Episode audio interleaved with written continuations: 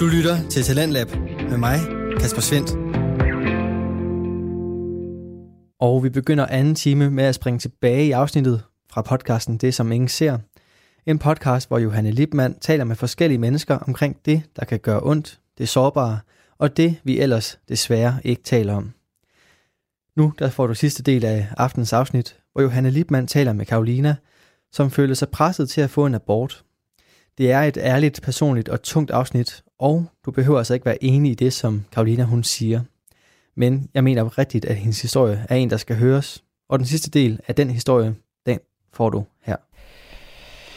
Så tog jeg en, en til hende hos hendes mor, som også var positiv. Sjovt nok. Mm. Øhm, ja. Og så var jeg der og snakkede lidt med dem. Og egentlig var det meget rart, tænkte jeg, og egentlig har jeg først bagefter tænkt, at det måske ikke, at det ikke var rart, men øhm, det er en rigtig god veninde, og en rigtig sød mor, hun har.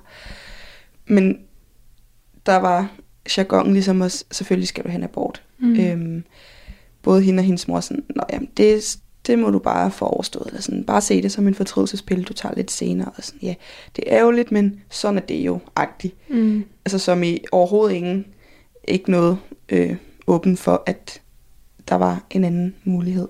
Og så ringede jeg så til min mor og min storesøster på vej hjem derfra, hvor jeg så sagde, jeg er gravid, øhm, men jeg ringer til gynekologen i morgen, eller sådan, men jeg får en tid til abort i morgen -agtig. Hvor lang tid var det her efter, at du havde været sammen med ham?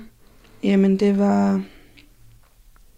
Så jeg har jo nærmest alle datoerne op i hovedet. Jeg tror, jeg var sammen med ham den 19. april eller sådan noget. Og jeg tog testen den 7. maj eller sådan noget. Okay. Så det er tre ja. uger eller sådan noget. Mm. Nej, to uger. Det var i hvert fald ret kort. Det var ret hurtigt, du fandt ud af det. Ja. ja. Så endte jeg også med, at så kom en anden veninde hjem til mig, da jeg så tog hjem fra min venindes mor der. Og så delte vi en øl og røg nogle cigaretter. og det er jo, det må man jo ikke. Mm. Men ja, det var stadig bare så syret for mig, at det, jeg havde bare brug for at snakke med hende. Mm. Og der sagde jeg faktisk til hende, at jeg synes, den anden veninde der havde været meget sådan, kun på aborten, og sådan lidt, ikke presset mig, eller sådan, men bare ligesom tænkt og talt til mig, som om at det var den eneste løsning. Og så, øh, det sagde jeg til hende, den anden veninde, der kom hjem til mig, og så var hun sådan, at det var ærgerligt, øh, sådan, det har jeg ikke tænkt mig at gøre, agtigt, jeg har ikke tænkt mig at fortælle dig, hvad du skal. Øh, men så ender det alligevel med, at det eneste, hun sidder og siger til mig, det er, hvor hårdt det vil være at få et barn alene, og hvor hårdt det kan være at starte amning op alene, og at det sikkert nok ikke er særlig sjovt at få et barn alene og sådan noget. Og hun har også øhm, en anden viden, men jeg følte bare overhovedet ikke, at altså, det hun sagde til mig var sandt, at hun ikke ville fortælle mig, hvad, hun skulle, hvad jeg skulle gøre, fordi når hun kun sidder og taler for, at jeg skal få aborten, er det det samme, om du siger det direkte, eller du pakker det ind i alle mulige ting, som mm. ville være nederen, hvis jeg fik barnet. Ja. Men øhm, mange af de her ting, eller de her samtaler, har jeg egentlig også først bagefter gået op for mig, har været lidt ærgerlige for mig, fordi jeg har ikke rigtig tænkt over det situationen, tror jeg. Og så ligesom med hele processen, da hele, eller hele forløbet var sket, kan jeg godt se tilbage og tænke, at det var egentlig nogle lidt nederen samtaler med mine veninder, fordi mm. at at det bare handlede om det, der vel, i stedet for at handle om mig, egentlig. Mm. Eller, og dine følelser. Ja. ja. Og hvad du egentlig ville. Eller ja. Sådan. Det var slet især, ikke et spørgsmål. Nej, overhovedet ikke. For nogen. Og især fordi mine veninder bare, og min familie kender mig jo godt. Og alle ved, at det her er svært for mig. Og alle ved, at jeg virkelig gerne vil have børn og glæder mig. Og sådan. Så ja, det var egentlig også lidt skuffet over, der ikke rigtig var nogen, der sådan spurgte, hvordan jeg havde det. Ja. Så i, i de her situationer og de her samtaler, der var ikke noget inde i dig, der begyndte at tvivle på, om du også skulle tage den abort? Jo, hele tiden. Okay. Så det, der var lidt mærkeligt. Jeg ved ikke, om jeg måske ikke, ikke at jeg ikke turde sige, men jeg var i tvivl hele tiden, jo jeg tror faktisk, måske turde jeg ikke rigtig at sige, at jeg var i tvivl, at jeg faktisk overvejede at beholde det, fordi jeg jo godt vidste, at det var en dårlig omstændigheder, og ikke sådan, som jeg egentlig ønsker at få et barn.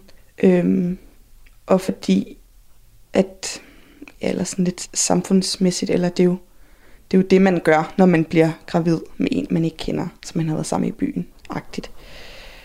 Øhm, og det er det jo ikke nødvendigvis. Altså hvis jeg ville have haft det barn, så skulle jeg bare have haft det, og så ville det bare være så fint. Men da jeg var sammen med min, den første veninde, der er hendes mor, der tror, der tror jeg ikke, jeg turde sige det, for jeg var bange for, at de ville sige et eller andet sådan, ej, okay, sådan, er du åndssvag, eller hvad, hvad fanden havde du forestillet dig?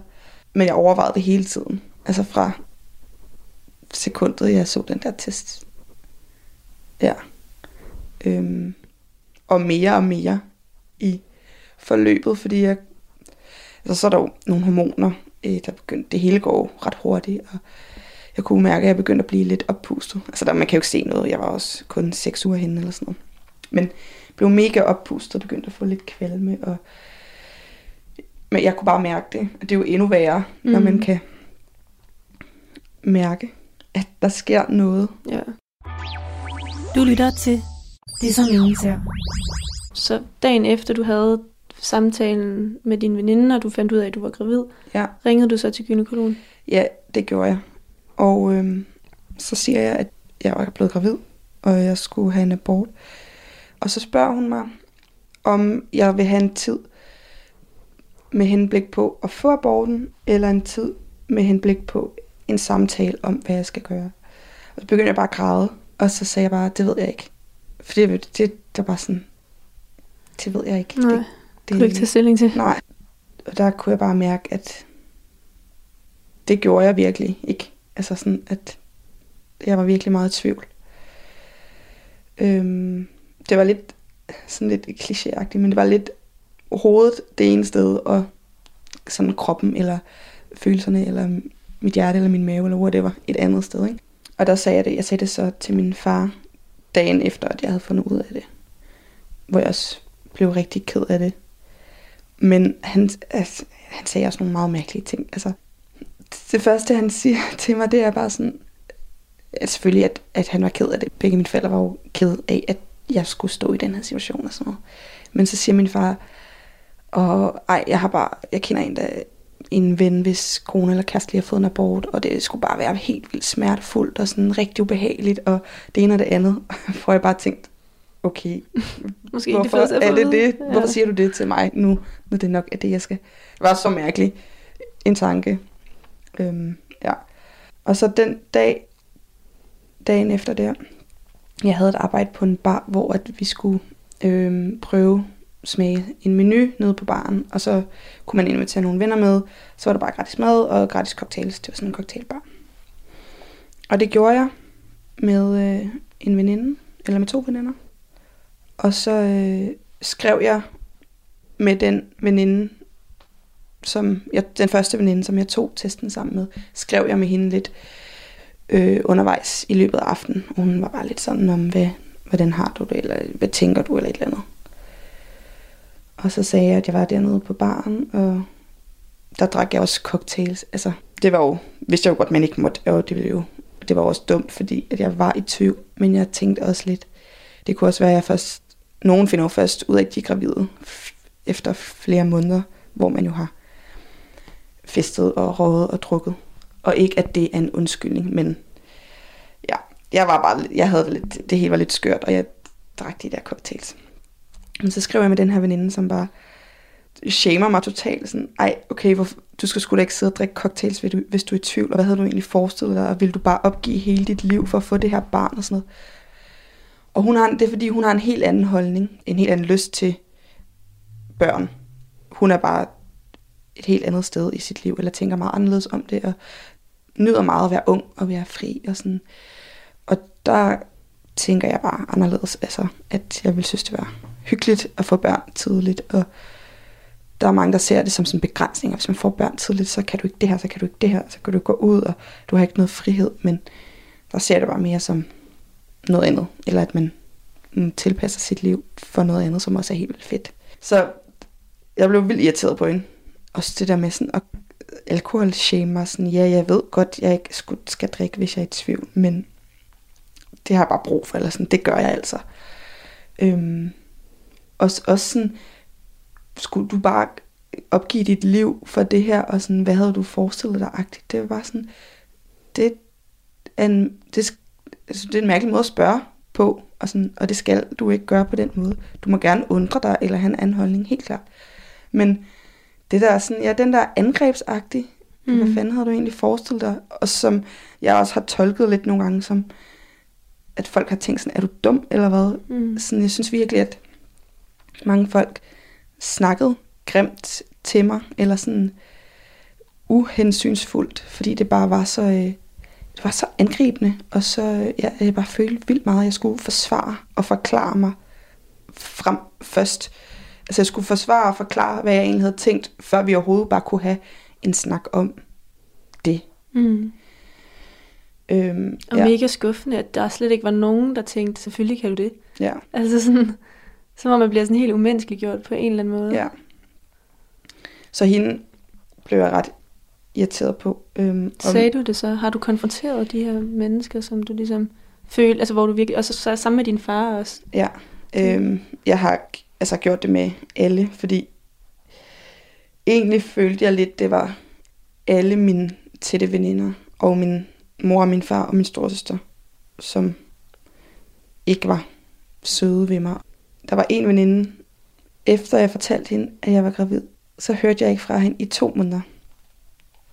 Som i sådan ingenting. Ikke noget skrive, ikke noget ringe. Jeg så, altså sådan ingenting. Altså, hvordan fortalte du det? Over sms? Øh, jeg skrev det. Hun var nemlig...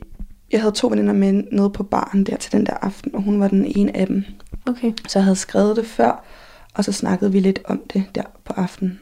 Okay. Og så efter det, så hørte du bare ikke noget? Ingenting. I to måneder. Det var også bare virkelig skørt. Så prøvede du at tage kontakt til hende, eller blev du så Nej, også... det gjorde jeg ikke. Nej. Jeg blev bare sur. Ja, Jeg var skidesur.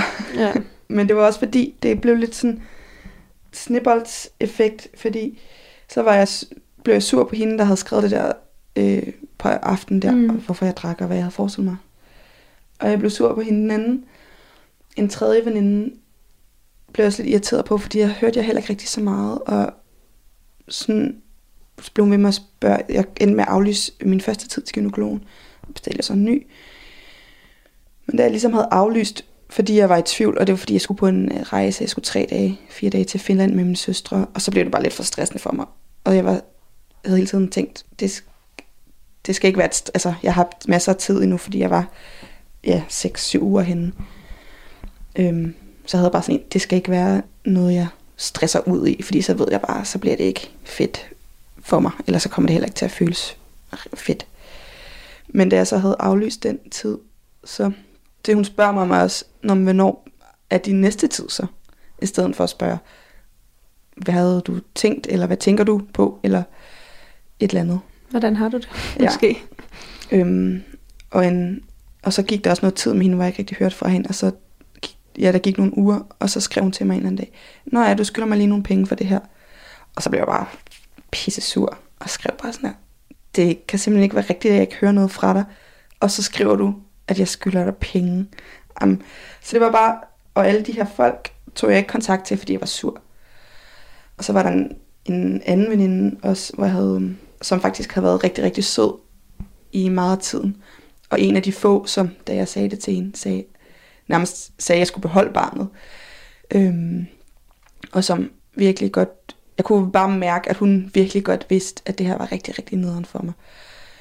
Så hun var egentlig rigtig sød, og var der rigtig meget i meget af tiden. Men så, øhm, når man tager de der abortpiller, så skal man have en voksen hos sig, hvis det er, at man bløder for meget, eller man skal på, der sker et eller andet. Der skal bare være en hos, hos mm. En, mens man gør det. Og så havde jeg skrevet til hende og spurgt, om hun kunne den lørdag, som jeg skulle. Skrevet en sms til hende, og hendes svar er, det kan jeg ikke, fordi jeg skal mødes med min studiegruppe. Og så tænkte jeg bare, fuck dig. Ja. Øhm, så færre, at, at man har noget. Men jeg havde forestillet mig, at man kunne skrive noget, eller det vil jeg vil gerne, jeg skal mødes med min studiegruppe, men jeg kan være der klokken tre, eller jeg skal mødes med min studiegruppe, men jeg prøver lige at aflyse det. Selvfølgelig Mm, vil jeg være der for, for dig. Ja. Jeg tænkte bare, det var bare, og det var bare det, hun skrev. Det kan jeg ikke, fordi jeg skal mødes med min studiegruppe. Mm. Så svarede jeg bare ikke. Altså, Nej. øhm, det der så også var lidt mærkeligt, var, at den eneste veninde, der rigtig var der for mig, det var en, øhm, som jeg egentlig ikke ser så meget. Jeg har nogle veninder fra Samsø, hvor jeg har boet. Ja, det var hende, en af mine Samsø-veninder, der ligesom var der. Og hun havde, øh, hendes bedste ven var lige øh, faldet ned fra et tag. Altså, et, øh, altså fra femte sal tag. Som hun havde set for det første. Og det var jo så Nej. hende, der så det ske og fandt ham og var med ham. Og hun var jo bare selv i totalt Ja, traume og selvfølgelig. chok. Og jeg synes også bare, at det var helt mærkeligt, at hun var den eneste, der kunne være der Mm. ordentligt for mig. Ja. Det var en veninde, som selv bare var i lige så meget, hvis ikke endnu mere, traume og chok. Og øh, selv, ja. Døde han? Nej, Jeg er nej. nødt til at vide sådan, nej, Nej. okay. Øhm, Du lytter til det så ingen ser. men øhm, ja, så hun, hun var der, den veninde, sådan ret meget i sådan, den der uge, og jeg havde så min kusine med inden til gynekologen. Da jeg bestilte den tid, der får man nogle piller, der stopper. Man får en scanning, og øh, klamydia-test, tror jeg, sådan noget, bla bla bla. Så får man en pille eller to, som stopper graviditeten. Bare sådan, så den ikke udvikler sig mere. Og så går der to dage, og så skal man selv tage... Øh, man får nogle piller, både oralt, noget kvalme nedsættende og nogle lidt stærke øh, smertestillende. Og så to stikpiller, som gør, at livmoderen ligesom trækker sig sammen og tømmer sig. Okay, så da du, du ringede første gang til gynekologen, og der var det der, hun spurgte, om du ville have en samtale eller en tid. Ja. Sagde du så, at det kan du ikke tage stilling til, så du Ja. ringe tilbage? Nej, så fik jeg faktisk en tid, Okay. som Som du så jeg end- aflyst, Ja. ja. fordi øhm, jeg skulle rejse til Helsinki torsdag til søndag, og den tid var vist om mandagen eller tirsdag. ja. Og så ringede du så igen. Så ringede jeg igen. Faktisk i Helsinki havde jeg besluttet egentlig at beholde barnet. Nå, hvordan kan det være? Hvordan var den proces? Øhm, det var fordi jeg alligevel altså havde en veninde der, som støttede lidt det valg også. Øhm, og så har jeg sådan en, øh, jeg bliver vokset, og jeg har en virkelig, virkelig sød dame, eller kvinde, der vokser mig. Som jeg bare, altså hun, jeg tror hun ved alt om mit liv. Jeg snakker altid rigtig meget med hende. Hun er bare det mest kærlige og søde og forstående menneske. Og så kom jeg ud, jeg havde en, en vokstid, faktisk lige før jeg skulle til Helsinki, mens jeg stadig var gravid.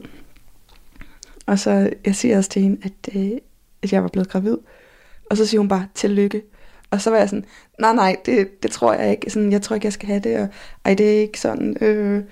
Og så siger hun bare, det er lige meget, altså hver, altså hver gang man er gravid, eller hver graviditet er en gave, eller sådan at et tillykke. Og så sagde jeg ligesom, snakkede bare med hende om det hele og mine tanker, og du, du, du. Og hun var bare meget sådan, det hele skal nok gå, og øh, hvis du får barnet, så skal det nok gå, og så kan man købe tøj genbrugt, eller øh, du får ting, og sådan økonomien, det skal du slet ikke tænke på, fordi det skal nok gå, og hvis ikke, at du skal have barnet, så er det også så fint -agtigt. Og det var bare det, jeg manglede, at der bare var nogen, der sådan så mig og sådan sagde, at det skal nok gå. Også, altså, ja, det er jo ikke så hensigtsmæssigt at få et barn, hvis man lige er uden job, og det ene og det andet. Men sådan, det skulle nok gå. Altså selvfølgelig, jeg har mm, gode venner og familie, som kunne, kunne og kan hjælpe mig. Sådan. Ja, så det var bare rart. Og det jeg virkelig havde sådan manglet og efterspurgt hos mine forældre meget. Egentlig fra alle, men især mine forældre. Mm. Ligesom bare anerkende, at der er to valg. Så det sagde hun til mig lige før jeg skulle ud og rejse der, og så jeg tænkte vildt meget over det. Jeg snakkede ikke med mine søstre om det, fordi jeg kunne ikke, altså jeg kunne ikke snakke med min storsøster om det, fordi det eneste, der foregik op i hendes hoved, var bare, så hvad fanden forestiller du dig, Karolina? Så vi kunne bare ikke snakke om det.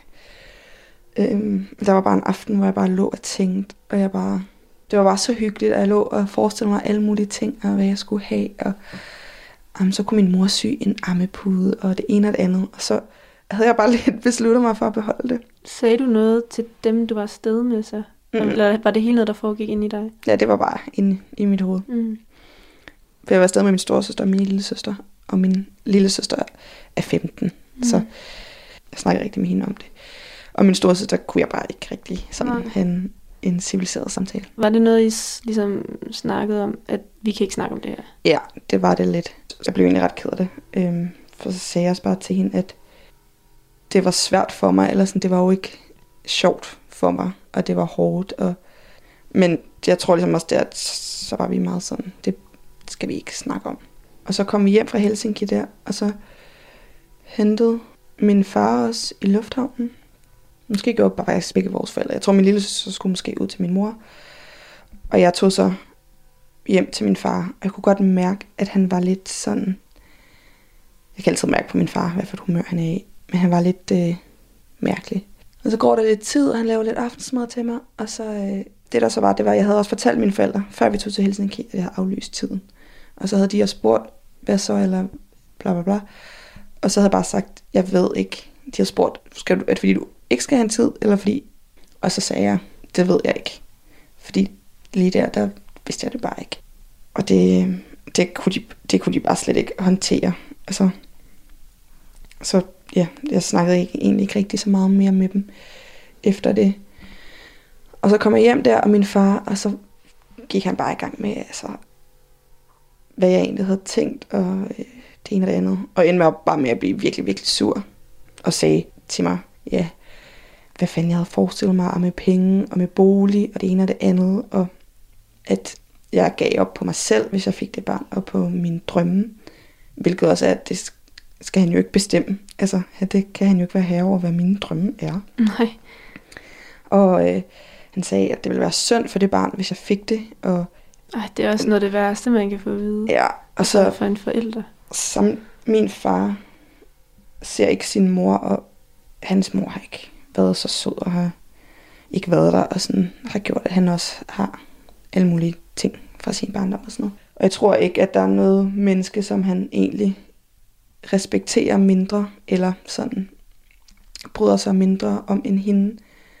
Og så sammenlignede han mig også med hende, hvilket bare er sådan toppen af det var bare virkelig sårende og meget øh, ubehageligt. Og meget, Mm. altså sådan virkelig, Det var virkelig ked af, at han sagde et eller andet med, øh, det er jo ligesom min mor, så skal du gå op på kommunen, eller et eller andet.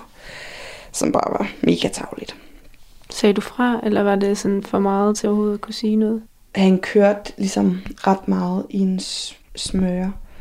Og så gad jeg heller ikke rigtigt at sådan bukke under. Jeg gad egentlig næsten ikke, ikke at sige noget til ham, for det følte jeg ikke, han fortjente. Han fortjente ikke mine forklaringer eller mine tanker, fordi ja, det synes jeg ikke, at han gjorde. Øhm, og så fordi det var svært med min familie, fordi de blev meget praktisk og sådan fornuft minded. Og det er jeg også normalt. Men meget af det her var også bare følelser. Sådan, hvorfor vil du ikke have den abort? Det kan jeg ikke helt forklare, men mest fordi, at det føles så forkert i alle bones in my body at få en abort. Det er det, jeg kan sige. Det, jeg kan ikke fortælle dig, hvad jeg havde tænkt mig at gøre med økonomi, og hvordan jeg havde forestillet mig den her situation. Jeg kan bare fortælle dig, at det føles som det mest forkerte i mit liv at skulle aktivt få en abort. Og det er også okay. Så det, jeg kan jo ikke gøre mere. Føltes det så som det rigtige at få barnet?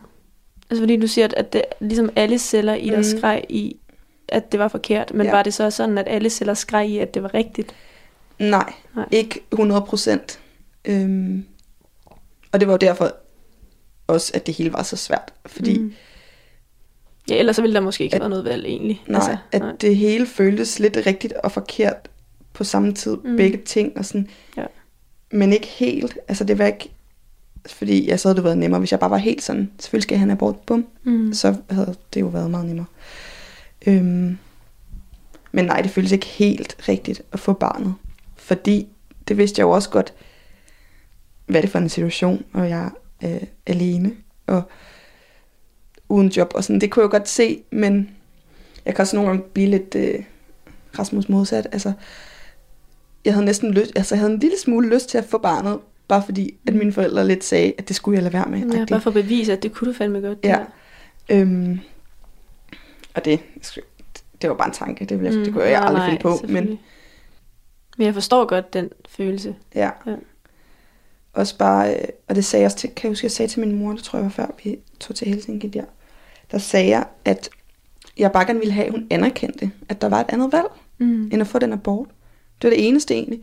De behøver jo ikke, jeg har aldrig nogensinde forventet, at min familie skulle være enige, eller mine venner, at ja, de skulle være enige, eller de har heller ikke behøvet at kunne forstå mine tanker og mine valg egentlig.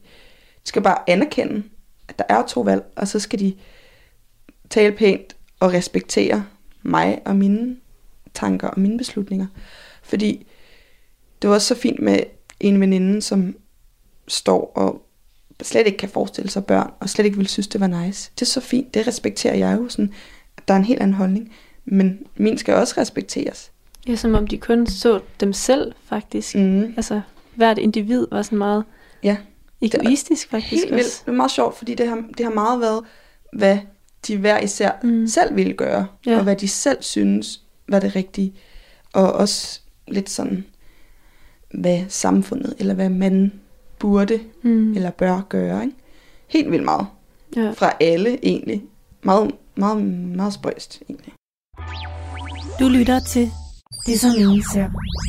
Tror du, det havde været nemmere for dig at tage det valg, hvis det ikke var fordi, at du godt kan se dig selv som mor? Det lyder som om, at du bare er naturligt klar til det på en eller anden måde, og det gør det bare endnu sværere. Ja, helt klart. Og det har været sådan lang tid for Mm. mig.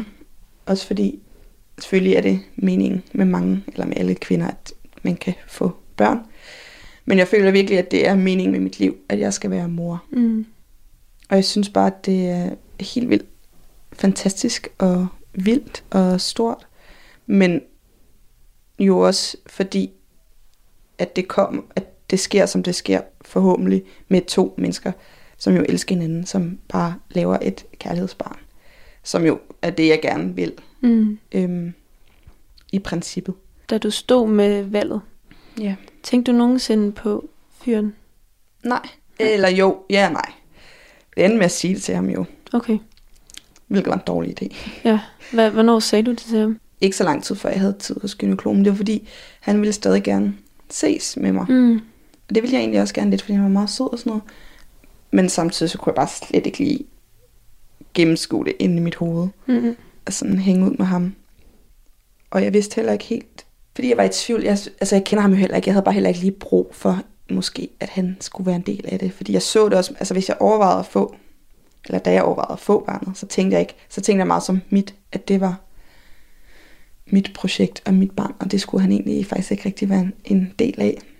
Og det er jo også lidt tavligt, og det er jo også lidt synd for de der fyre, fordi hele valget kunne jo være mit, eller var jo mit. Ja. Det er mig, der kan bestemme det hele. Og jeg kunne også bare bestemme at få barnet. Og man kan jo så godt sige, at der er en ukendt far og sådan noget.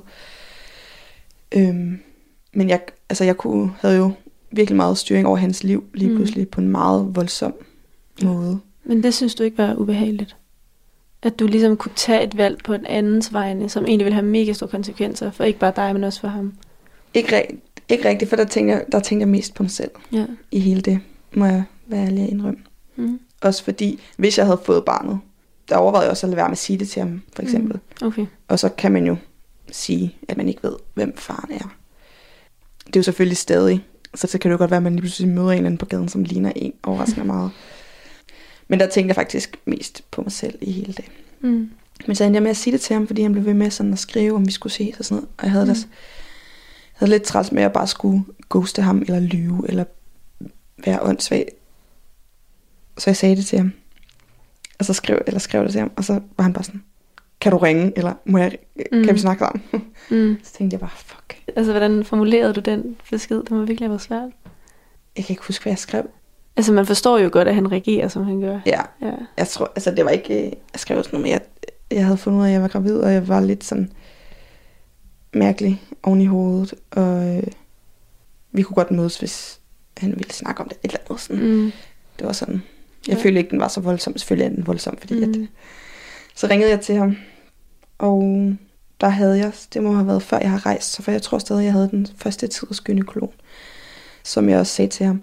Og der blev han bare vildt lettet, og han var også meget sådan, nå ja, det skal du jo gøre, agtig. Mm. Mm. Der var slet ikke noget tvivl fra ham. Og det blev jeg egentlig også bare lidt irriteret over. Mm. Fordi, ja, det var også alle mine irritationer, min vrede og sådan min ked af det hed, blev ligesom også bare bygget op og forstærket, fordi det kom alle steder fra, eller sådan, det var alle. Det, så var det alle veninder, følger, som ikke så mig og forstod mig, og det var hele min familie, som også, så sådan hver lille ting blev jeg også bare trigget totalt af, også fordi jeg var ked af det, og nogle hormoner og sådan skør oven i hovedet.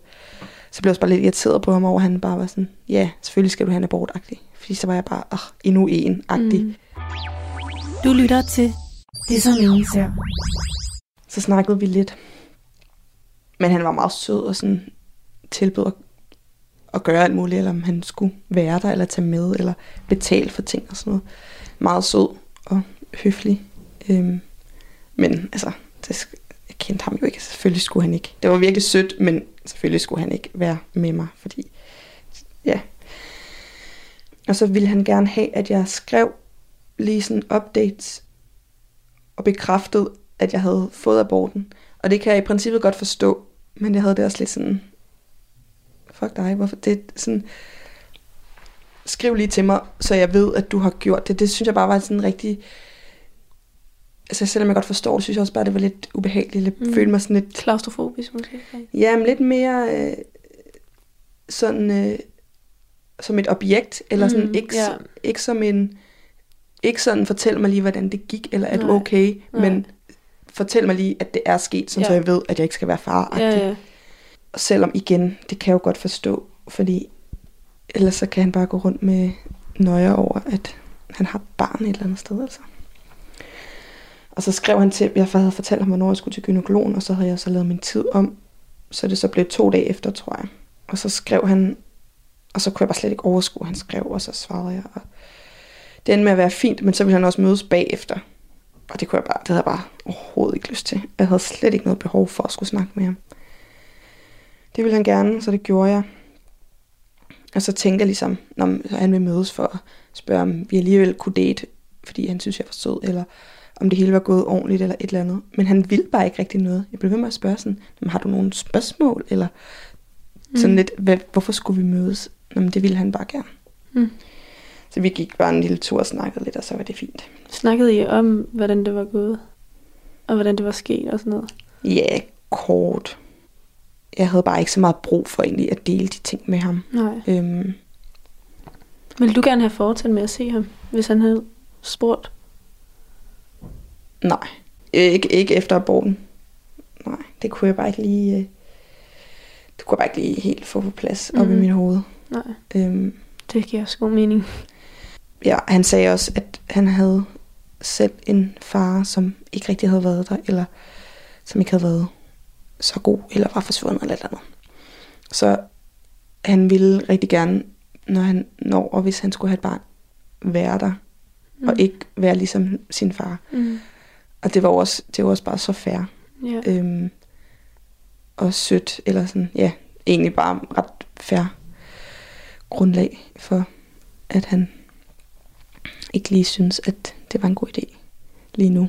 Mm.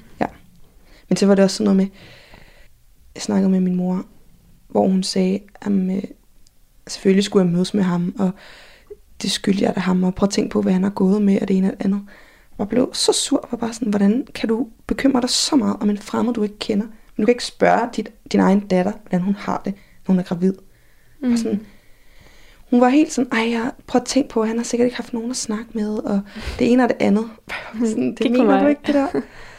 ja, men øhm, fik i hvert fald den abort. Ja. Hvordan var det i momentet så, da du tog dig hen? Og så endte du med at beslutte, at du gerne ville det, efter du egentlig havde tænkt i Helsinki. At du... Ja. Det var sådan, ja. Så efter min far havde skaret ud på mig, så øhm, tog jeg hjem. Og jeg, jeg, tror, jeg tror faktisk aldrig, jeg har grædt så meget. Jeg græd og græd og græd græd. Jeg synes bare, han var så ubehagelig og tavlig. Og øhm, efter den søndag, der kottede jeg ligesom min mor og min far og min storsøster af. For bare sådan, det, det, det gider jeg ikke. Det kan jeg ikke. Så snakkede jeg bare ikke med dem i en uge, tror jeg. Øhm, tog min kusine med til gynekologen første gang. Og det gjorde jeg, og beslutningen kom, det var sådan lidt fra den ene dag til den anden. Der var jeg bare sådan her, nu skal jeg have den abort. Og egentlig, det er jo mig, der har besluttet det. Altså, det er jo min beslutning, fordi at det var mig, der gjorde det. Eller. Men jeg føler mig, eller jeg følte mig presset af min familie primært. Så jeg følte, at jeg kommer også til at blive i tvivl, hvis jeg får det her barn. Vil de kunne elske det? Vil de Mm. støtte mig?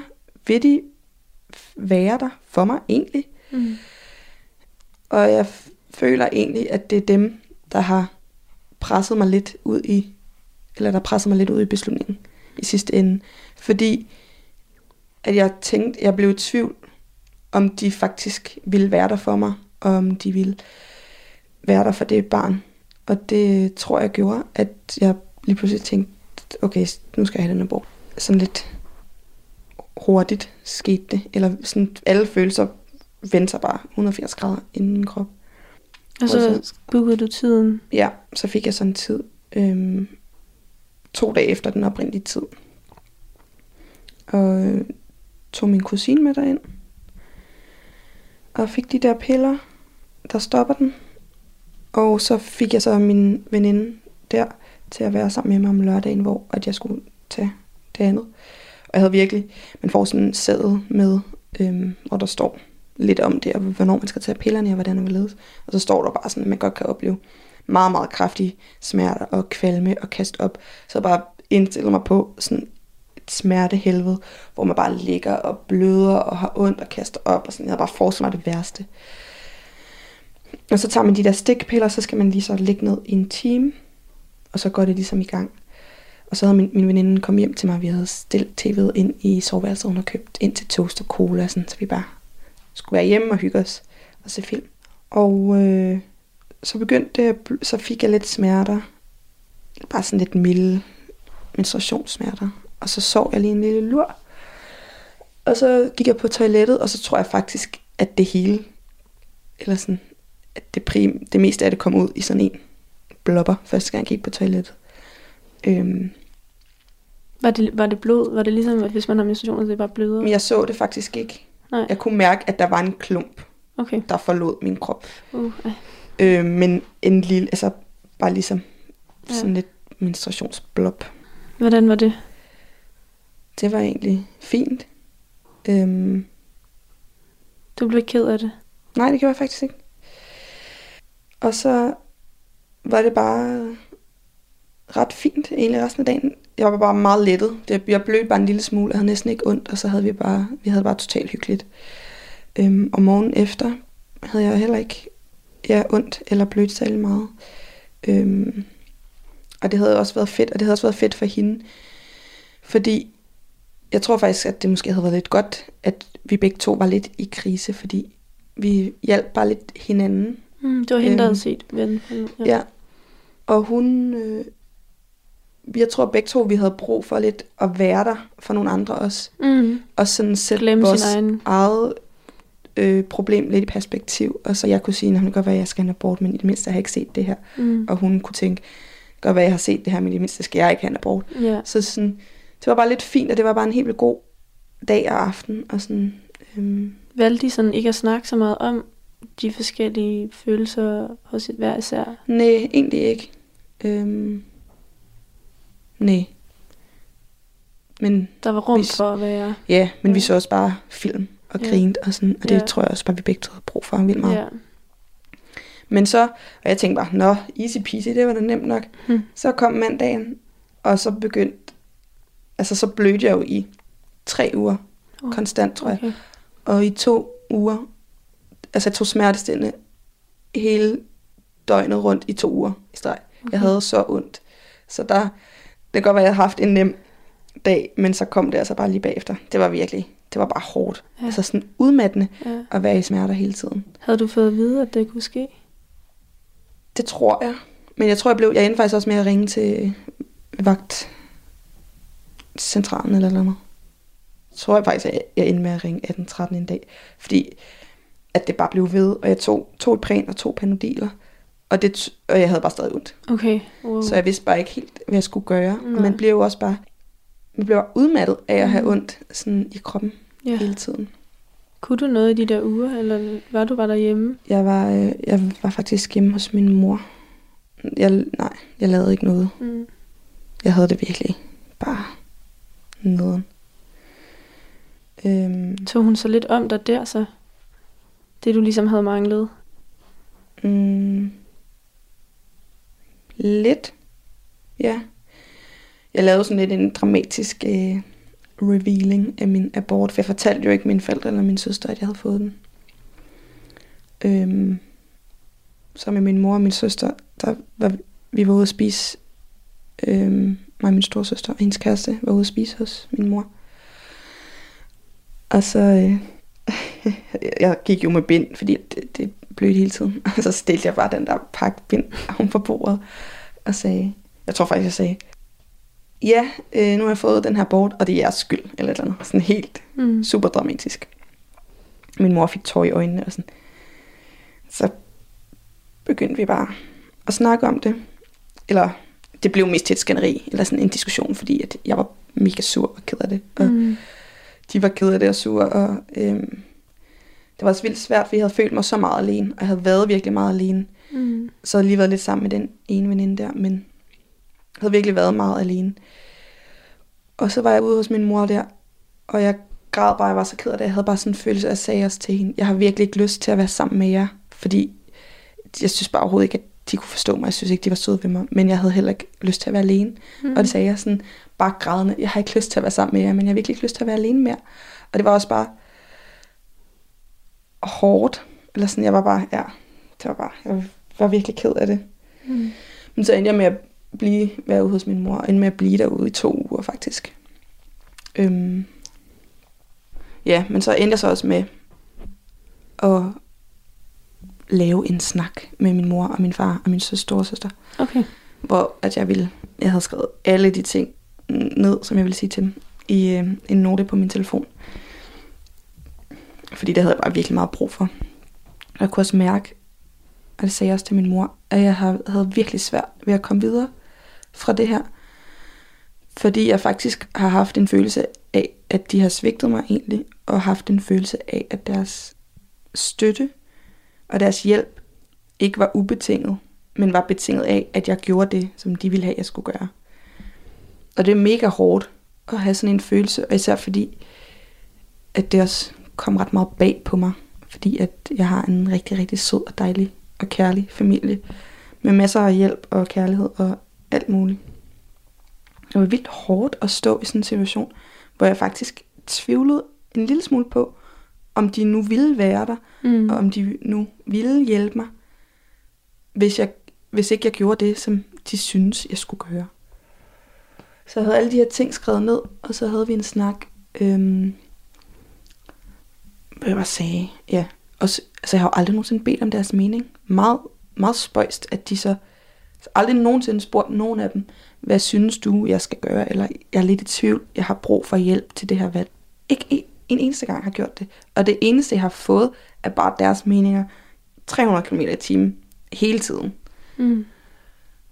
Øhm, ja, så det sagde jeg, og jeg sagde, at jeg synes, de havde snakket grimt til mig, og at, øh, at ja, jeg var blevet sådan lidt propagandaet i den ene retning, fordi når de snakkede om aborten, var de meget sådan, Nå jamen, jeg skal nok være der, jeg kan tage fri fra arbejde, og jeg kan hjælpe dig at være der, og det ene og det andet, du må bare være her, og du, du, du. Og i den anden lejr var der bare nul og niks. Mm. Og de blev ved med at sige, bla bla bla bla bla, men vi støtter dig jo lige meget hvad. Men det havde, kunne jeg bare overhovedet ikke mærke. Det var bare Mhm. totalt tomme ord. Ja. Ja, så jeg sagde øhm, alle de ting til dem, som jeg egentlig havde brug for. Mm. Hvordan tog de det?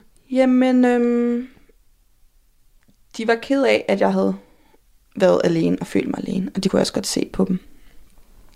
Og de forstod, jeg tror godt, de forstod, hvad jeg sagde. Eller de, eller de hørte i hvert fald, hvad jeg sagde. Og min mor bed også ret meget fast i det der med, at jeg jo ikke havde spurgt nogen af dem om deres mening. Og det ligesom bare var det eneste, de havde fyret op for. Men jeg tror, at hvis det skete igen, ville de reagere på præcis samme måde. Fordi selvom at jeg sagde de her ting, så min søster var fra, altså, vi er meget forskellige. Alle os i vores familie. Og jeg tror egentlig, det bunder i vores forskellige personligheder. Øhm, den reaktion, der har været. Fordi selv om jeg sagde alle de her ting, så sag, sagde min søster stadig, jeg kan godt forstå, hvad du siger, jeg er ked af, at du har følt dig alene, men hvad havde du tænkt, hvis du fik barnet? Altså sådan, Mm. den der, det, kunne, det kan hun bare ikke se. Hvis der er noget, der ikke giver mening for hende, så kan hun simpelthen, hun kan slet ikke lige sådan hoppe ud og lige sætte sig i en anden situation og lige sige, "Nå, jeg vil ikke gøre sådan, men jeg kan godt se, at det giver mening for dig. Eller sådan. Mm. Så hvis det skete igen, så, så, jeg så tror både mine forældre og, og hende ville have været på præcis samme måde, fordi at ja, det er sådan, det giver mening op i deres hoved, Mm. tror jeg. Har, har I et, et godt forhold i dag? Er det ligesom tilbage til, hvad det var, eller har det ændret noget? Øh, det har ikke ændret noget i forholdet. Altså, vi er stadig lige så tætte og sådan. Øh, men det har været svært. Altså, jeg- der kommer, så snakkede jeg også med alle mine veninder, og alle, ligesom første gang jeg så dem, hvad jeg ser, tror jeg også lige sådan en, jeg skulle lidt skuffet over det her, sådan har jeg haft det. Øhm, men der var også bare på et tidspunkt, hvor jeg bare gerne ville videre. Så ville jeg bare gerne over, ud, ud at have det sjovt. Altså jeg nærmest bare ikke set nogen i en måned, eller sådan noget helt isoleret og sådan helt mærkeligt oven i hovedet. Så jeg vil bare så gerne videre. Jeg vil bare gerne have, at have det overstået og væk. Og nu var det sket, bum, nu vil jeg være glad igen og se folk og have det sjovt. Og det gjorde jeg lidt i en tid. Og så fik jeg sådan lidt øh, backfire her for nogle måneder siden. Øhm, det er bare, jeg kan mærke, at det har gjort noget ved mig nu, eller sådan, at det virkelig har sat sig. Egentlig mest med mine veninder. Øhm, jeg er bare blevet sådan oversensitiv, og sådan, hvis folk ikke svarer, så kan jeg, være helt, så kan jeg helt få den der følelse af, at, at jeg er uønsket, eller at folk ikke øh, vil mig, eller ikke øh, vil vide, hvordan jeg har det. Sådan, jeg kan bare få sådan, jeg tror, den der svigtfølelse sidder ret meget i mig.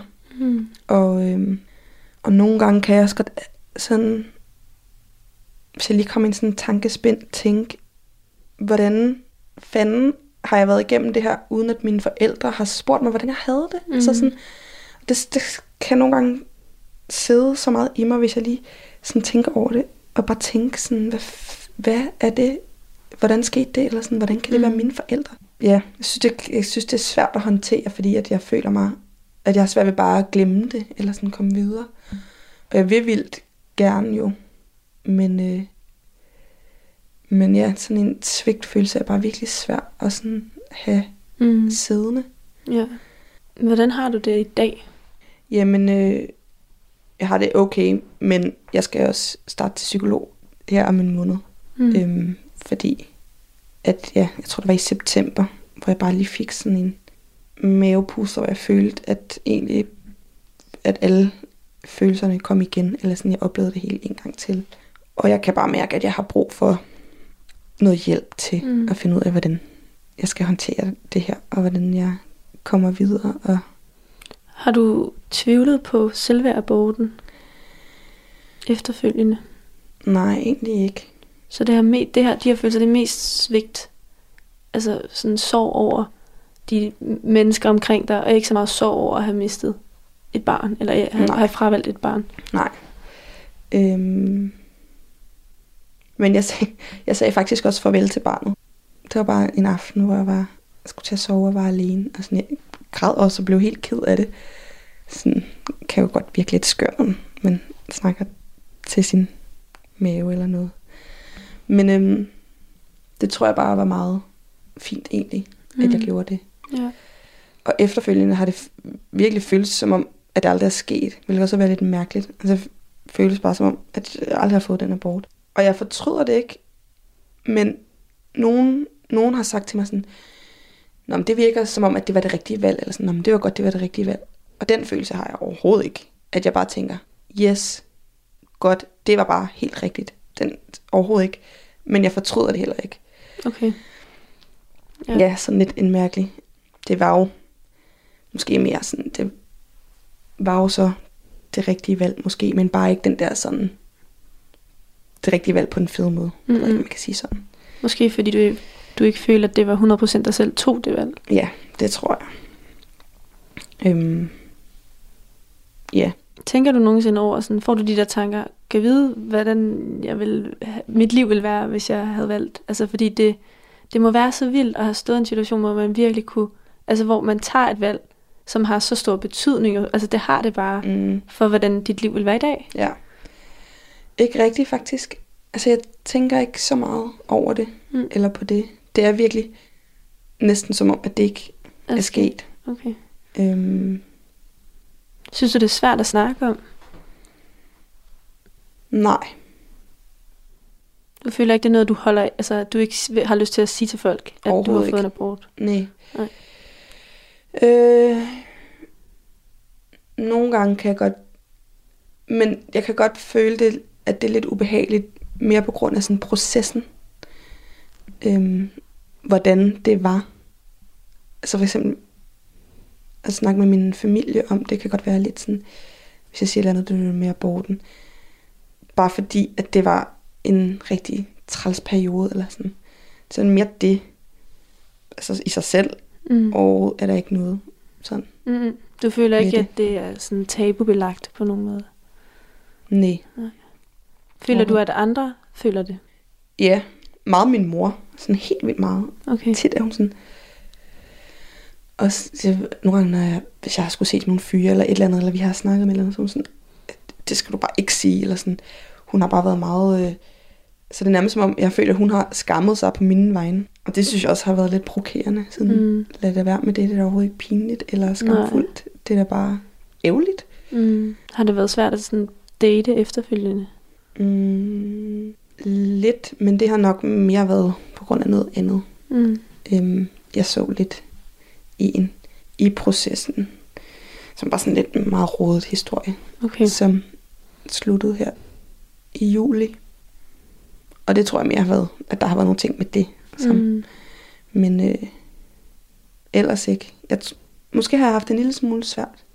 Ja, det er bare sådan lidt en kombination. Jeg har heller ikke rigtig haft sex Mm. kun én gang efter. Øhm, ja. Er det fordi, du har været bange, tror du, for at det vil ske igen? Jeg tror mere, det har været nogle sådan underbevidste ting, for det har ikke været, rigtig været noget, jeg har tænkt over. Men jeg tror helt klart, at der har været forskellige tanker og sådan følelser, der har haft noget med det at gøre. Også fordi, ja, så sidste gang jeg havde sex, så skete der, ledte det jo til den her situation, som var ubehagelig for mig, så jeg ved ikke om sådan, ja. Ja, du jeg- forbinder sex med det? Ja. Eller sådan, ja. Du lytter til Det som ingen ser. Hvad er dit bedste råd til andre, som står måske i samme situation? at sige det til folk, først og fremmest. Jeg har en veninde, som nærmest ikke sagde det til nogen. Og det gør jo også bare, når man holder det hemmeligt, bliver de der tabuer ved med at være tabu eller sådan. Mm. Hvis man ikke snakker om tingene, Præcis. bliver det jo ikke åbnet op. Øhm, så i hvert fald at sige det til folk. Og så have nogle, man kan jo ikke sige, at man skal have nogle gode mennesker omkring sig, men det håber jeg, at folk har. Og så bare mærke efter selv. Mm. Lyt til sig selv. Ja, rigtig meget. Fordi uh, det, det, jeg kunne bare forestille mig, at det ville være rigtig ubehageligt at gøre både det ene og det andet, hvis det er noget, man føler sig tvunget til. Mm. Altså, ikke at jeg bare skal sige, at alle skal have børn, men det er jo også en, altså, det er jo en kæmpe stor ting, og sådan, man skal være klar og sådan noget, men ja, mærk, mærk efter. Mm. Radio 4 taler med Danmark. Afsnittet her, det dykker ned i et meget alvorligt emne, og selvom jeg måske ikke helt forstår, eller måske er helt enig i Karolinas tanker og følelser, så synes jeg, det er enormt vigtigt at høre hendes historie. Og det er netop pointen, som verden Johanne Lipmann vil have ud af den her podcast, det som ingen ser. At høre de historier, som omhandler de her tunge emner, og som måske endda kan skabe tanker omkring lytterens egen situation. Så det håber jeg selvfølgelig, du har fået ud af afsnittet her, og de andre afsnit fra denne podcast. Det var aftens sidste podcast afsnit. I første time, der kunne du høre et afsnit fra podcasten Snakken, der gik, med værterne Sune Christensen og Kasper Schumacher. Og aftens andet afsnit, det kom altså fra podcasten Det, som ingen ser, hvor Johanne Lipmann havde besøg af Karolina, som fortalte om hendes svære valg med at få en abort. Mit navn det er Kasper Svendt, og jeg vil stå klar med nye podcast afsnit igen i morgen fra kl. 22.05. Nu der er det blevet tid til nattevagten her på Radio 4, så god fornøjelse og på genlyt.